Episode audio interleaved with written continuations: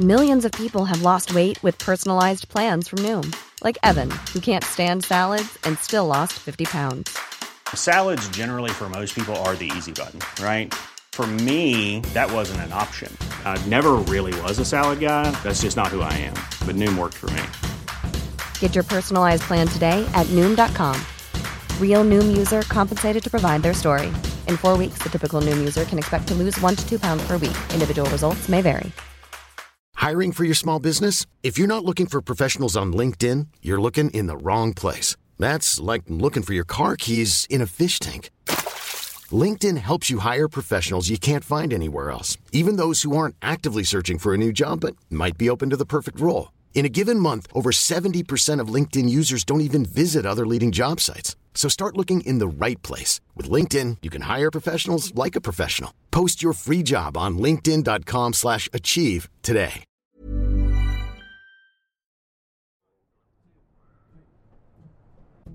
Det här är tredje samtalet av tolv mellan mig och Ola.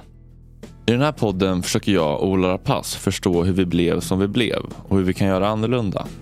Förra gången spelade jag upp ett klipp för Ola när jag gråter i mitt soprum och känner mig som ett offer. Jag har funderat mycket på varför jag så ofta känner mig som ett offer och idag ska vi prata om vilka roller vi tar i relationer. Kan man vara offer och förövare på samma gång? Varför tar vi de roller vi tar och vad får vi ut av det? Ola sa förra gången att han skulle på polisförhör med anledning av sin senaste relation. Som vi sagt tidigare så är den här utredningen som Ola är en del av inte nedlagd. Men jag undrar ändå om man kan se vilket ansvar han har haft i den relationen. Idag är det 11 februari 2021. Ola, du sa sist att du skulle på förhör. Vad är det du är anmäld för? Jag är anmäld för misshandel och grov kvinnofridskränkning. Och eh, polisen hämtade ju mig då i januari. Men det ska ju enligt anmälan ha pågått hela hösten 2020. Eh, och min version är ju såklart en helt annan. I min version är det jag som är utsatt. Men eh, vi kan väl lyssna på det. Du berättade ju att hon hotade dig med kniv vid, vid en händelse. Ja, Eh, och så tänkte jag om, om du bara kunde berätta om den, utveckla den, vad det var som hände och du uppfattade den situationen. alltså hon har hotat mig med kniv flera gånger. Och, och det här började efter när du sa att du ville träffa henne. Mm. Så alla, alla hot och allt våld är, är alltid när jag säger att jag har fått nog och jag inte tänker träffa henne mer. Att hon måste gå eller att jag säger låt mig gå. När, jag ber, att, när hon vägrar gå så ber jag då, men kan, jag få gå då? Eh, Och det är alltid vid de tillfällena som det blir våldsamt. Det liksom, antingen mot mig eller mot henne själv men oftast mot mig.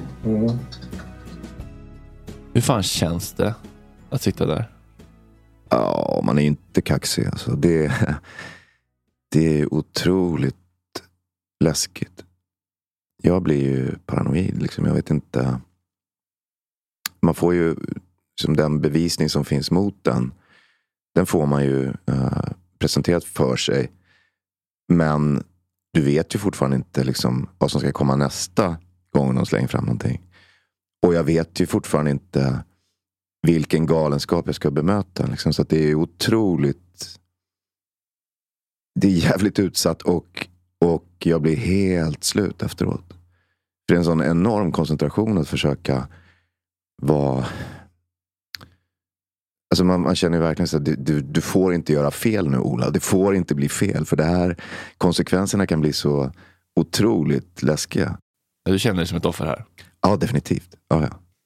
Kan det vara så att när vi känner oss som offer så blir vi också lite förblindade inför vårt eget förövarbeteende? Mm. Det tror jag absolut. Um, och jag menar, om sanningen ska fram, snacket på stan om Ola Pass är ju det är upp och det är ner.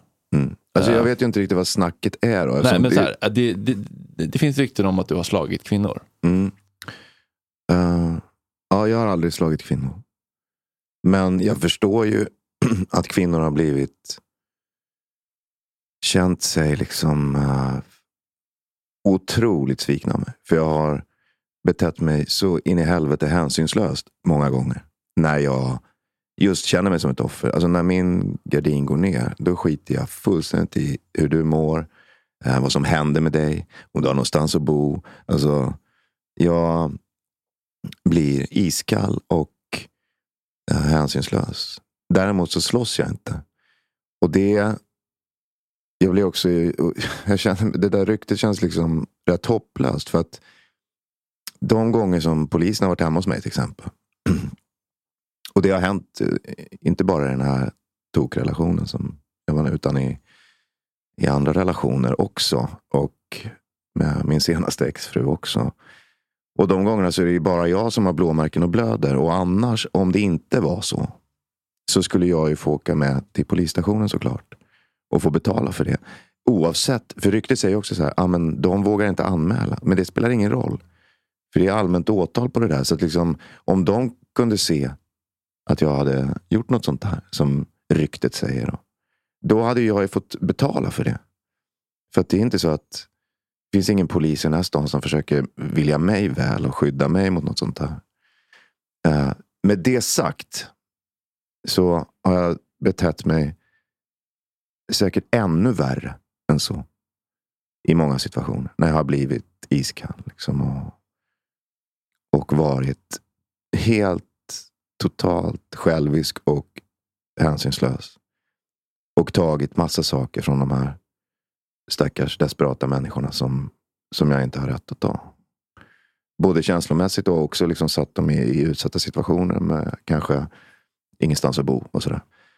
När jag blir då mitt, eh, min värsta offerkofta. Då tycker jag att jag har rätt att svika hur fan som helst. Med, med, jag skiter fullständigt i liksom om jag sårar med svartsjuka eller eh, jag kan då döljer jag inte att jag drar och, och knullar någon annan till exempel. Eller, eller till och med tar dit någon annan för den delen. Har också hänt. Sådana saker. Uh, och det, det kan jag förstå att det... När man ska berätta historien om det så kan jag faktiskt förstå att, det, att man vill klä det i, i, i någon brottsrubricering. Vad som har hänt och vem som är offer och förövare, det får ju rättsstaten ta hand om. Så Men det jag är intresserad i är så här. Vad drog dig till henne från början? När upptäckte du att någonting var galet? Och varför fortsatte du ändå? Och vad är det som gör att du går igång på det här? Det är det som är spännande. Ja, jag vet. Det är det som är spännande och det är det som jag desperat försöker ta reda på. Men jag har ju inga svar på det där. Alltså jag, alltså klart hon är ju snygg då. Mm. Det är ju någonting som gör att jag överhuvudtaget träffar henne, antagligen. Om man ska vara ärlig.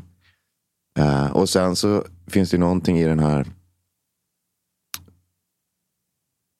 sinnessjuka bekräftelsen som det är att när hon då blir kär så är det ju så otroligt mycket energi i hennes bekräftelse. Alltså då är det ju samma sak som är såklart varningsklockor är ju också jävligt sköna att vara runt i mm. början. Mm. För det är ju, du är ju liksom kung. Du är allt. Du är... Och liksom när det ballar ur första gången så och hon kommer tillbaka. Tänker du så här, men det kan, kan bli annorlunda nu? Ja, men det gör jag. Och där känner jag mig som en misshandlad hustru liksom, i den här relationen. För att det är så här, varje gång hon ber om ursäkt och säger jag, jag blir så här galen för att jag älskar dig så mycket. Men nu har jag koll på det och det ska inte hända igen. Så så släpper jag in henne igen. Eh, alltså det skulle jag ju såklart inte göra nu när det gått så här långt som polisförhör. Men jag gjorde det ju hela hösten. Och det är det dummaste jag har gjort i mitt liv. Jag tänker också så här, eh, man har också lättare att acceptera andras gränslöshet när man själv är en person som har svårt med, med gränssättning. Verkligen. Både för sig själv och för andra. Mm. Så det, det, känns ju helt hemma och rimligt när man känner att man hittat sin soulmate. Ja, Twin Flames. ja, men det är så. Och det finns ju också en dröm om, om att få vara normal själv. Och den, den drömmen blir liksom mer rimlig om man är i ett förhållande med någon som är ännu sjukare än vad man själv är. Ja, och det är också en sån jävla kick i den här berg och dalbanan i sig. Att det går upp och ner. Mm. Så här, varje gång man bråkar så är det en stark känsla mm. som man kanske är lite beroende av. Ja, och sen när man blir sams igen, mm. den känslan är otrolig. Ja, ja visst. Nej, men det var ju, hela hösten var ju... Uh, liksom en terrorbalans på något, eller något, något krigstillstånd. Men det var ju aldrig tråkigt. Nej. Alltså, jag hade inte tråkigt en sekund på hela hösten 2020. Nej. Men allt gick åt helvete. Kan du få dig själv att känna dig levande utan någon annans kärlek och bekräftelse? Och... Nej. Nej, jag kan inte det. Kan du?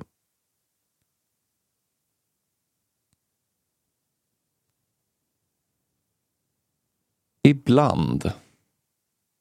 Mm. Men jag tror, jag tror det är lite det jag far efter. Att det, är det, det är dit jag vill nå. Att jag känner att så här, jag behöver inte en annan människa för att känna mig levande. Jag är liksom hel. Eller vad man ska säga. Jag behöver inte någon för att göra mig själv hel. Ja. Utan jag är en person som mår bra med mig själv och kan känna mig levande. Och om jag träffar en annan person så kan vi bli levande tillsammans. Men det är inte som att jag fyller något hål. Liksom. Jag kan absolut älska att vara själv. Eh, och, och bara vara i lägenheten och göra tråkiga saker. Men det bygger ju på att det är någon annan som desperat längtar efter mig och vill att jag ska vara där. Om, det inte, om inte det finns, då försvinner jag. Då är jag ingen. Jag, jag finns inte. Jag, kan, jag har inga konturer, jag har ingen identitet, jag har inte uh, något uh, existensberättigande överhuvudtaget. Okej, så njutningen i att vara själv ligger i att du vet att det finns någon annan som väntar Ja, på ja, dig. ja, visst. Och jag vill ha ett sms i minuten ungefär. Liksom. Kan du inte komma hit? Jag saknar sönder dig. Annars är det ju omöjligt. Mm, där har vi något att bita i. Hur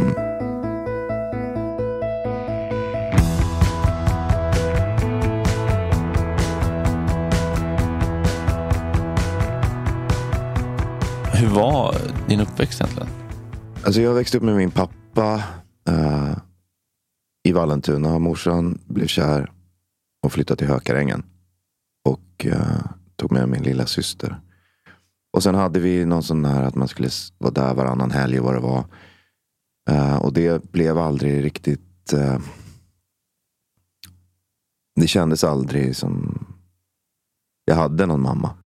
Men jag tror att för mig så blev det något, för jag idealiserade min morsa så in i helvete när jag var liten. Det var liksom, hon var drottningen där på andra sidan stan som jag drömde om i nästan sådär mytologiska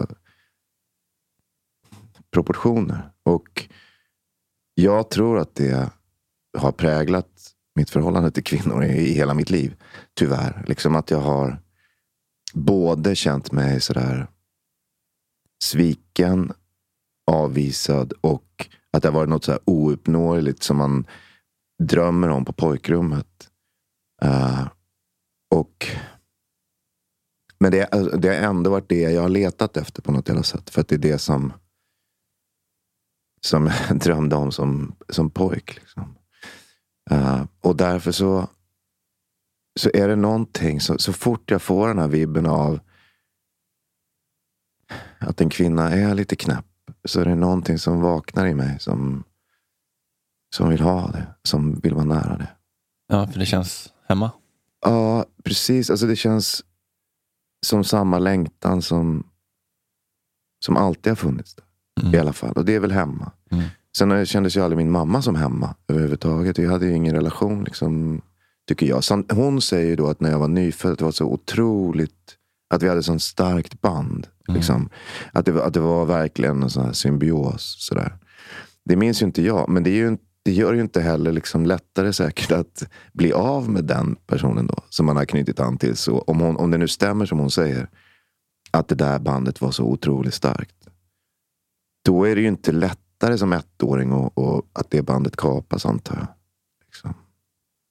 Nej, och det är det jag tycker är så intressant. Att även det som är otryggt eller dysfunktionellt eller rakt av farligt. Mm. Om, om det ändå känns, det är det vi vet, så är det ändå det vi dras till. För Ja. att det vi inte vet är ännu läskigare. Alltså vi är så vanedjur bara. Ja.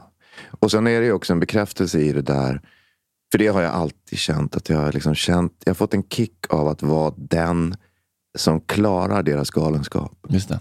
Alltså, för det, så var det med morsan. Jag var aldrig rädd. Alltså, hon skrämde ju livet ur varenda man runt sig. Alltså, jag kommer ihåg någon situation när det, för där, dit hon flyttade liksom, i Hökarängen så det var ju av, av sex dörrar i den trappuppgången så var det tre knarkarkvartar. Och då hade heroinet precis kommit till Stockholm.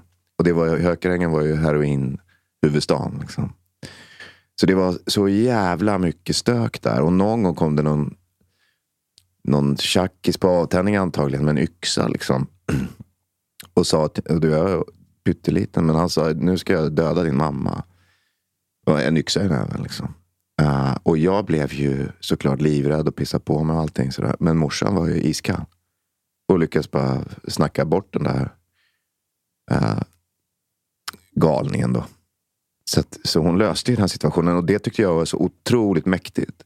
Där att kunna vara trygg runt dårar och hantera den situationen. Och det har jag alltid genom hela mitt liv haft liksom någon sån stolthet i. Att jag blir inte rädd för dårarna. Jag kan hantera det där. Mm, men skrämde hon dig?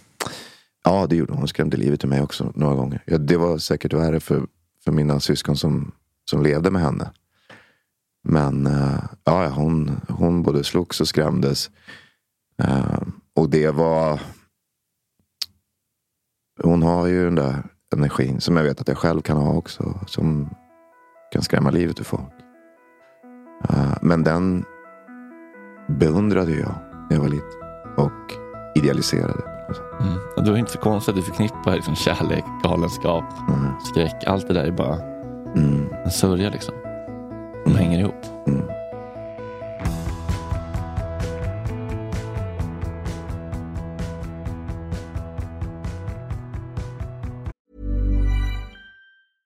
Even when we're on a budget we still deserve nice things.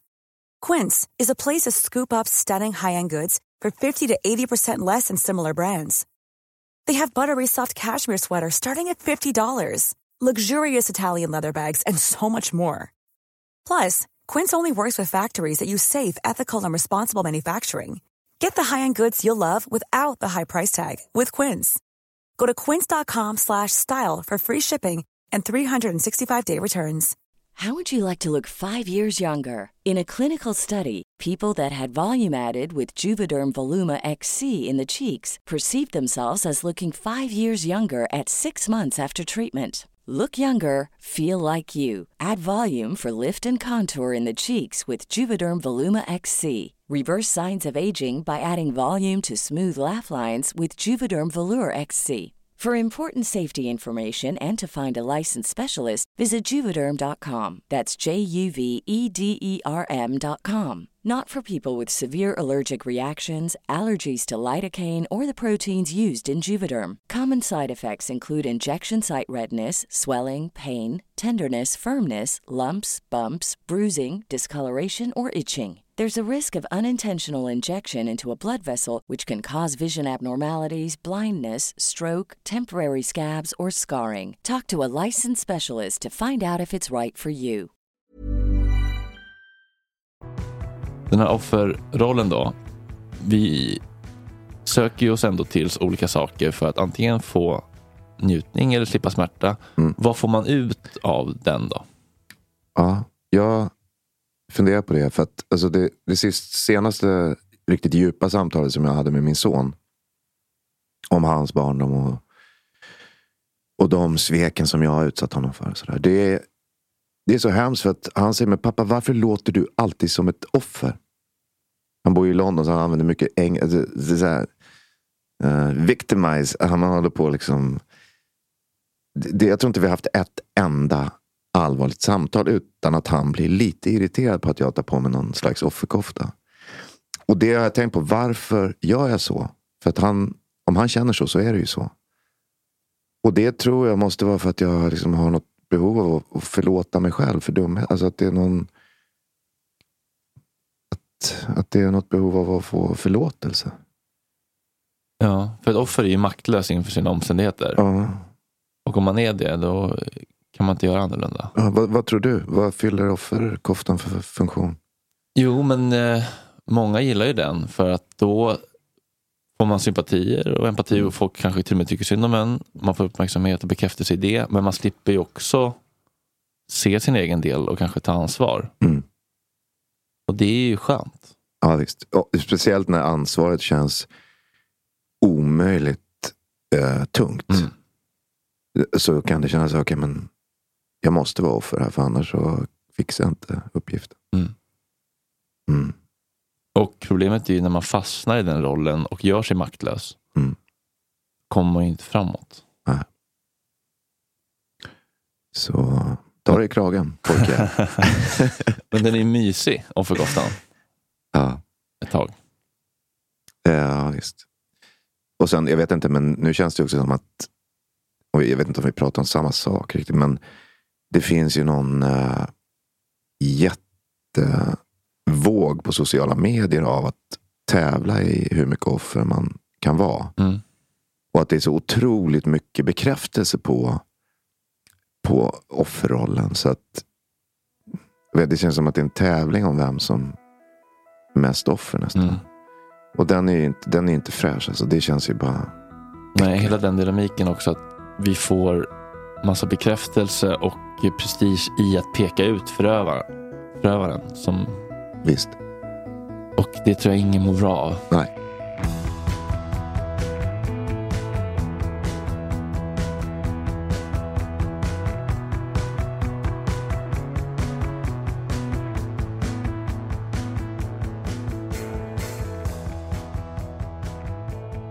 Den här inspelningen är speciell för mig. Jag är jävligt nervös för att mitt ex Erik ska vara med. Det är första gången vi ses sedan det tog slut på nyår. Det som smärtar allra mest just nu är sorgen över att ha förlorat honom. När vi var ihop kände jag mig ofta som ett offer, men jag undrar hur det var för honom. Det här känns jobbigt, men det här projektet handlar för mig om att titta under varje sten i hopp om att hitta lösningar för att kunna bli en bättre människa. Hur ont det än gör. När hade ni liksom er första riktiga konflikt? Nej, alltså jag, jag, jag har nog inte riktigt någon kronologisk ordning på, på dem. Jag vet ju bara vad som har liksom varit jobbigast för mig. Typ. Och vad är det då? Ja, men jag tror en grej som gjorde väldigt ont i mig, det var när jag låg inne med hjärtsäcksinflammation på SÖS och blev utskriven.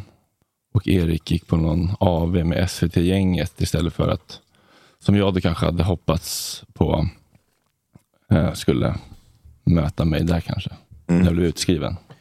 Sa du det till Erik då? Nej. Jag blir ju jag blir ju arg bara jag hör dig inleda så. Med din känsla här faktiskt. Mm.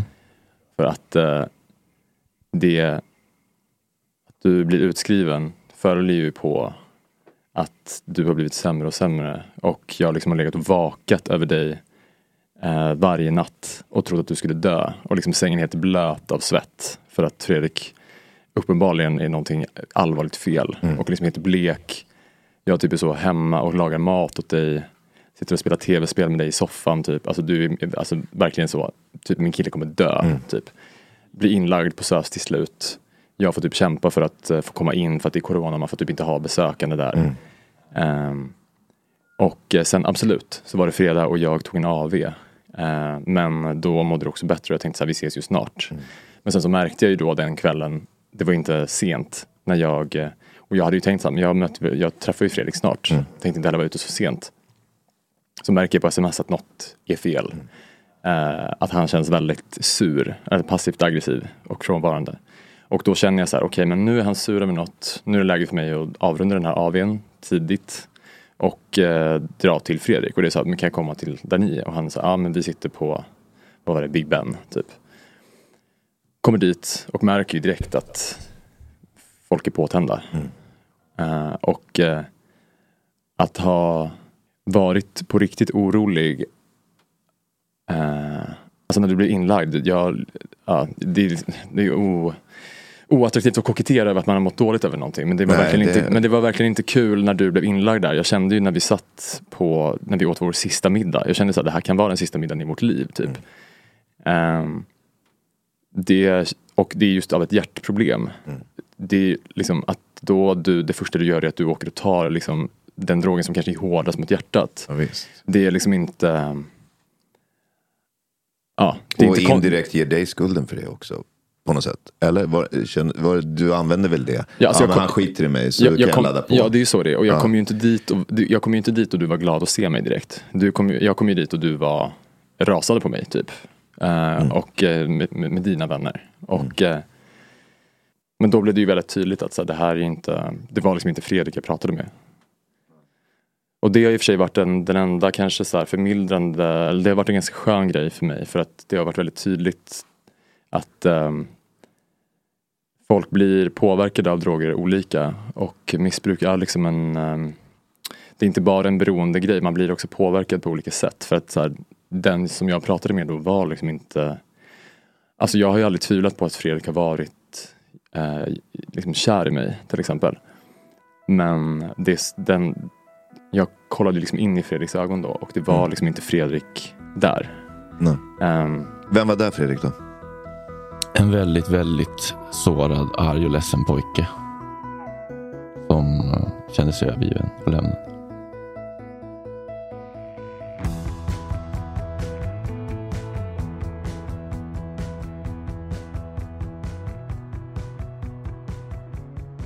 Okej, Okej, nu när vi snackar om offer och förövare och har hört Eriks vittnesmål. Hur känns det för dig Fredrik? Ja, det här är ju smärtsamt på många plan. Eh, Jag vet inte riktigt var man ska börja. Jag känner igen mig just det där du säger. Att här, när jag känner mig sviken, då försvinner all empati. Mm. Jag, det är bara jag som lider nu och den här personen ska bort i mitt liv. Alltså från kärlek till hat på en sekund. Mm. Men eh, jag vet inte vad det är som, är som egentligen är intressant här. Är- Jag, jag sitter ju och hör det här och tänker så här. Ja, det här är ju exakt den person jag inte vill vara. Mm. Och vad är det som händer? Vad är det som gör att jag lägger alla mina behov på honom att uppfylla Mm. utan att kommunicera det. Mm. Och sen när han inte uppfyller exakt alla mina ho- behov alltid när jag vill så blir jag rasande. Men jag är egentligen inte, jag är egentligen inte arg, jag är egentligen ledsen. Mm. För jag känner mig övergiven. Men jag går automatiskt till raseriet. Mm. Oförmögen att stanna upp i, Mm. i sorgen och vara sårbar och så här. Ja. kommunicera vad jag egentligen behöver. Ja. Och så blir jag svinarg. Och så super jag och knarkar och beter mig som ett jävla svin. Och där, det där delar vi ju. Eh, och, och vi vill ju därifrån båda två på något sätt. Till någonting annat. Mm. Eh, och Ja, alltså jag bara, jag, för jag blir ju också berörd av Eriks vittnesmål. Eh, men jag, jag är ju hundra procent på din sida. Ja, för att är lika fucked up. Ja. ja. Men det, det, eh, jag vet inte om jag fattade det då riktigt, men det jag har fattat nu i alla fall är här, att jag reagerar inte på det som händer där och då. Nej. Utan det river upp massa saker i mig. Mm. Det här triggar bara mitt Mm. bagage. Mm. Det här känns så jävla bekant för mig och det gör så jävla ont och jag kan inte acceptera den smärtan. Mm. Och det är hans fel. Det är han som får mig att känna så här, Mm. har jag tänkt. Mm. Men det stämmer ju inte. Nej. Alltså, jag sitter ju på allt explosivt. Ja, det där är bara triggern. Men det som är intressant är, varför är vi från början då oförmögna att... För jag, för jag kände så här, det här handlar om att jag låg på sjukhuset och han inte var där. Mm. När jag ligger där, det kanske är en orimligt behov jag har att han ska vara där mer. Mm. Men att jag, bara tanken på att uttrycka det behovet känner jag skam inför Ja. och eh, rädsla. Ja. Dels för att jag tycker att det här behovet är eh, orimligt eller vad det nu är. Och sen så om jag skulle uttrycka det här behovet Mm. så kan jag få nej. Och bara tanken på det är så jävla läskigt. Mm. Alltså varför är vi från början oförmögna att känna våra behov och kommunicera dem? Och varför känns det läskigt och skamfyllt och farligt? typ? Därför att ingen fanns där för oss när vi var små som kunde tillfredsställa de behoven ändå. Och då tjänar man ju på att inte fråga. Mm. Ja, det blir som en spisplatta. Liksom. Ja. Det här vet vi, det här gör ont. Ja. Okej, Uttrycka behov och visa känslor gör ont. Ja. Jag slutar med det. Ja visst. Och Gör du illa dig får du skylla dig själv. Och hamnar du på sjukhus så får du definitivt ligga där själv. För att mamma kan inte, har inte tid. Eller pappa har inte tid. Alltså, Mm. eh, och då, då lär man sig ju att, att sluta skrika. Det är som den här dåren Anna Wahlgren eller vad hon heter. När man ska lära Mm. ungarna Ja, att sova. Sluta skrika genom att låta dem skrika tills de inte orkar Ja, för de har ingen dödsångest kvar. Det är bara, det är bara så enkelt. ja. Ja. Ja, för den här separationsångesten alltså, som jag känner och den här skräcken. Mm. Det känns ju som en, eh, en riktig fara. Liksom. Ja. Och, det, och det var det väl då. Ja, men det är visst. inte det nu. Ja, det är som att jag lägger alla mina ouppfyllda behov från barndomen på honom. Att Det är som en eh, mamma. Liksom. Du ska Mm. finnas där hela tiden som en jävla tutte. Och när du inte gör det så blir jag arg. Jo, men jag tror också att jag tror ju att han hade varit mer närvarande med dig där på sjukhuset. Om du hade formulerat hur viktigt det var för dig. Ja, såklart. Det handlar ju bara om att jag inte är Ja. förmögen att kommunicera på ett, på ett vettigt sätt. Och Mm. om man hade sagt, nej jag kan inte vara det, så måste jag också kunna hantera det. Mm. Det är det. Att kunna uttrycka ett behov, få det avvisat och vara fine även med det. Mm. Det är ju det som att vara vuxen. Ja, ja, det är det. Det är så jävla emotionell omogenhet så det liknar fan ingenting.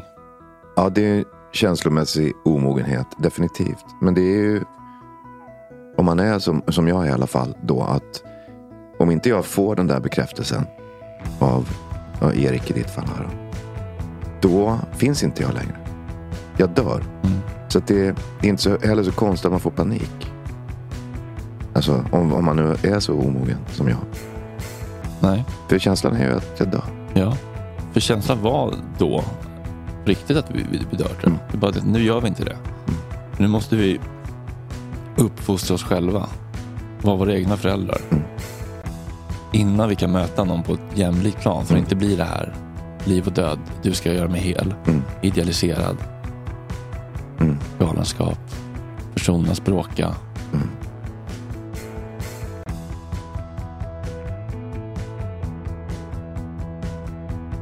Vi har ju sagt att vi ska träffa våra pappor, men Ola tror inte det kommer ge något att prata med hans pappa.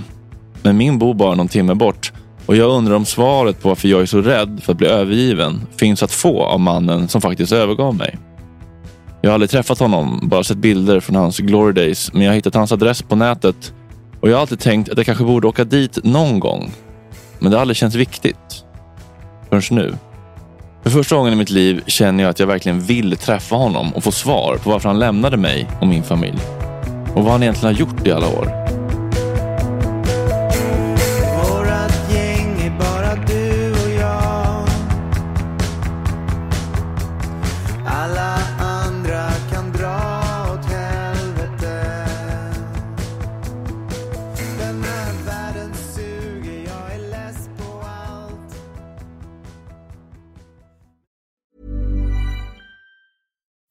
On a budget, we still deserve nice things. Quince is a place to scoop up stunning high-end goods for 50 to 80% less than similar brands. They have buttery soft cashmere sweaters starting at $50, luxurious Italian leather bags, and so much more. Plus, Quince only works with factories that use safe, ethical, and responsible manufacturing. Get the high-end goods you'll love without the high price tag with Quince. Go to quince.com slash style for free shipping and 365-day returns.